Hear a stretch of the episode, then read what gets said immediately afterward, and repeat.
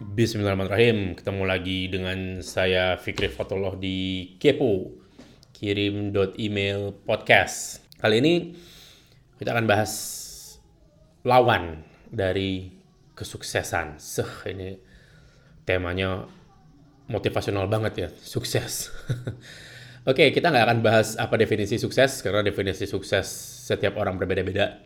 Ya, bisa saja Anda saat ini lagi mungkin menghafal Quran, ya definisi sukses Anda adalah sampai di surat mana atau di juz berapa Anda menghafal atau mungkin saat ini definisi sukses Anda adalah bisnis dengan omset tertentu, saya nggak tahu, saya akan bahas ya. Silakan Anda maknai sendiri, resapi sendiri, ya. Silakan Anda, kalau Anda nggak tahu definisi apa yang Anda cari, silakan Anda pelajari di buku-buku atau di video-video di YouTube ya, monggo. Tapi yang saya bahas adalah anti ya kesuksesan. Karena setelah saya pelajarin apa pun tujuan orang ya jika ingin sukses mendapatkan apa yang ia inginkan kapan pun ia menginginkannya gitu ya itu ada satu hal yang buat saya jadi lawannya. Ya anti itu kan lawan ya anti venom itu lawannya bisa gitu kan ya lawannya venom. Venom itu kan bisa apa racun gitu ya anti venom itu anti racun gitu loh. Jadi kalau si anti venom ini masuk, racunnya keluar. Prinsipnya seperti itu. Jadi apa anti dari kesuksesan? Apa lawan dari kesuksesan? Ya. Jadi dalam prinsip berlawanan dalam bahasa Indonesia disebut antonim atau lawan kata. Ya. Prinsipnya begini.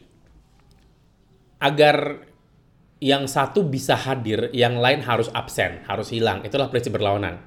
Ya. Contoh, terang adalah lawannya gelap. Ya.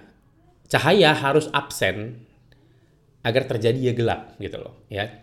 Nggak nggak nggak nggak bisa ada cahaya terang-terangnya dengan ada kegelapan segelap-gelapnya pada saat berbarengan. Tidak bisa karena mereka anti gitu loh. Ya lawan ya. Kira-kira seperti itu prinsipnya. Lawan dari manis adalah pahit. Ya gula harus absen dari teh atau kopi anda supaya teh sama kopinya bisa pahit gitu loh. Bisa nggak pahit sama manis berbarengan nggak tahu saya saya bukan pakar makanan gastronomi enggak ya.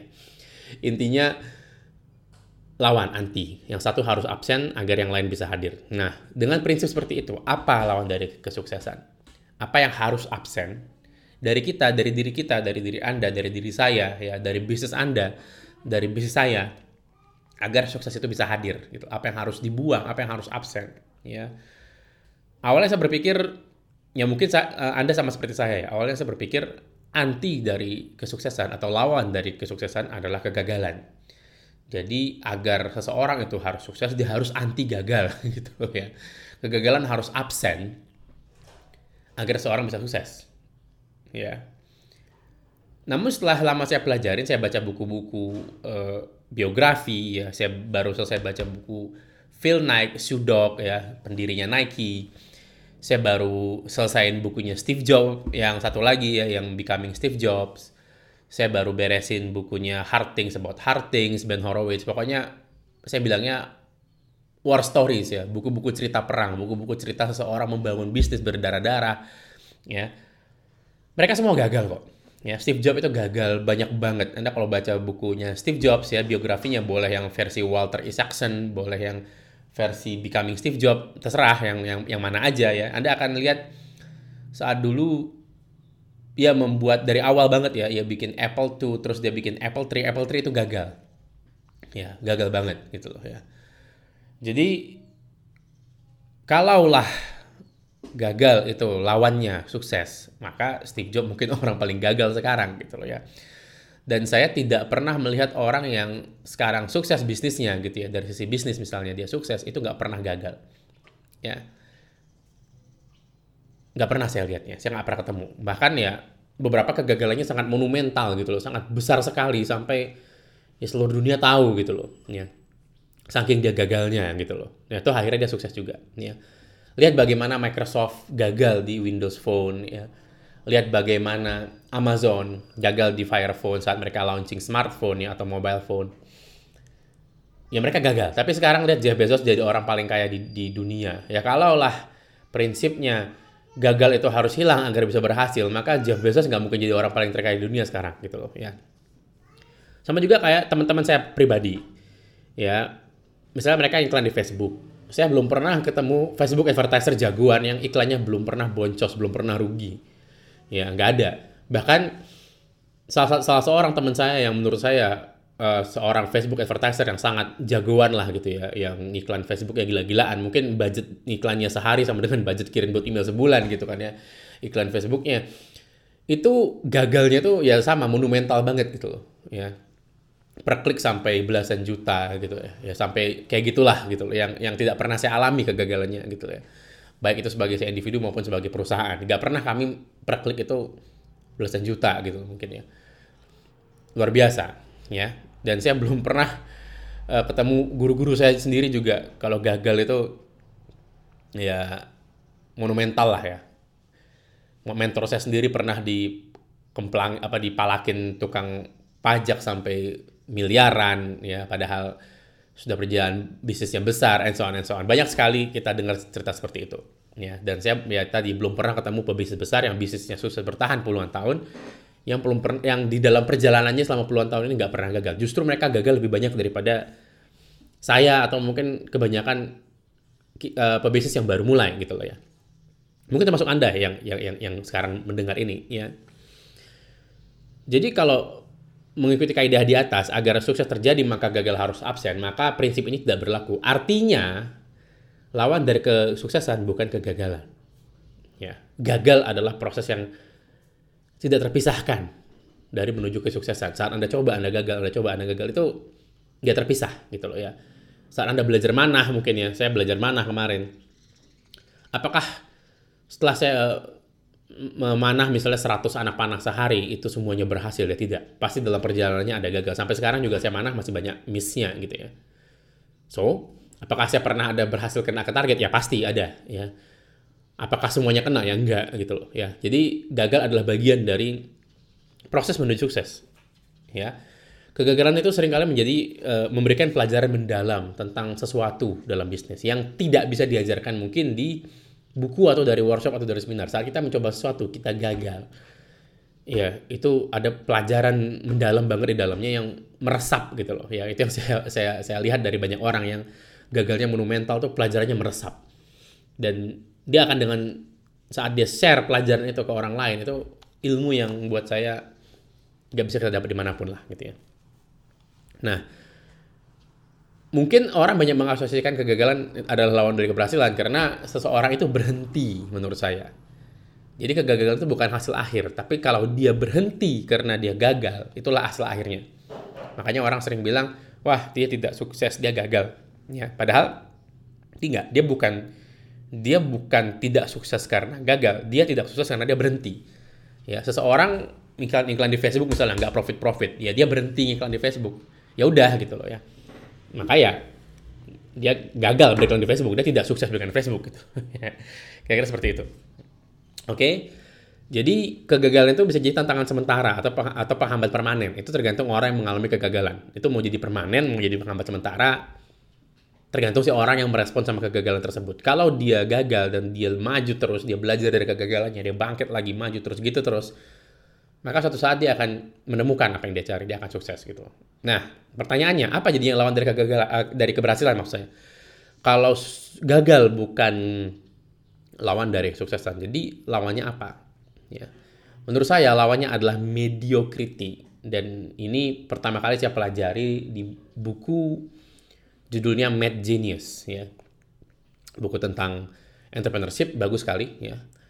Dan situ walaupun dia nggak nggak terang-terangan lah menulisnya tapi saya ambil pelajarannya saya rangkum dari satu kata itu uh, lawan dari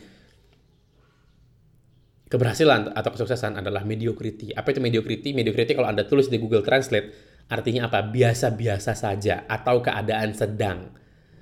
Biasa-biasa aja itu mediocrity. Ya, orang yang sedang-sedang aja, orang biasa-biasa aja. Inilah yang menurut saya harus absen jika Anda ingin sukses, ya. Misalnya Anda pengen menghafal Quran, Anda akan lihat penghafal Quran itu yang di sekolah-sekolah tahfidz atau apa, itu tingkat mereka menghafalnya nggak akan biasa-biasa aja kayak mungkin saya gitu atau kayak mungkin uh, Anda yang mendengar saya nggak tahu. Mereka baca Quran itu pagi baca, siang baca, pokoknya lima waktu sholat tuh baca terus setor hafalannya tiap hari gitu loh ya. keadaan yang tidak biasa-biasa aja gitu loh ya keadaan yang tidak semua orang bisa melakukannya ya ya sama kayak kita konteksnya ke bisnis kita bawa ke bisnis. Misalnya anda ingin sukses iklan di Facebook ya anda harus mempelajari angka-angka yang anda terima dari Facebook itu lebih banyak daripada orang lain. Nggak bisa biasa-biasa aja. Ya Facebook tidak sesederhana boncos profit boncos profit. Enggak Facebook lebih bisa lebih kompleks bisa lebih dalam daripada itu ya. Begitu banyak angka di Facebook yang bisa Anda pelajari, Anda bedah, begitu banyak hal yang bisa Anda tes dari mulai targeting usia, jenis kelamin dan lain-lain, interest gitu ya. Ya, teman saya itu yang tadi saya bilang itu split testnya tidak biasa-biasa aja ya. split, split testnya luar biasa itu sampai di level mikroskopis menurut saya itu semua dia tes, ads copy, gambar, tulisan, landing page, interest, wah luar biasa ya jadi anti dari kesuksesan adalah mediocrity, biasa-biasa aja. Selama Anda melakukan sesuatu biasa-biasa aja, Anda nggak akan mencapai kesuksesan. Kalaupun iya ya itu bersyukurlah. Kalaupun Anda masih dapat itu berarti rezeki dari Allah. Membypass semua hukum alam gitu ya. Bisa terjadi, bisa. Ya. Bersyukurlah Anda sujud syukur sekarang.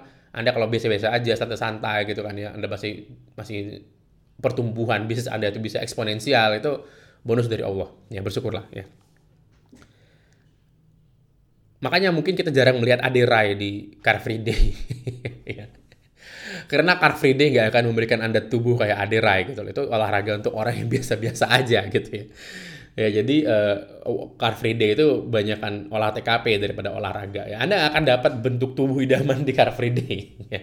Seminggu sekali cuman jam 9 sampai jam 12 itu apa yang Anda harapkan dari olahraga di situ nggak bisa ya ya kalau anda perhatikan orang-orang yang tubuhnya bagus, atletis, itu olahraganya nggak mungkin mediocrity, nggak mungkin biasa-biasa aja. Kalau anda lihat sekarang Deddy Corbuzier atau Adera itu pola makannya tidak biasa, ya olahraganya tidak biasa, semua tidak biasa. Maka mereka bisa dapat bentuk tubuh seperti itu, mereka sehat, and so on and so on, ya.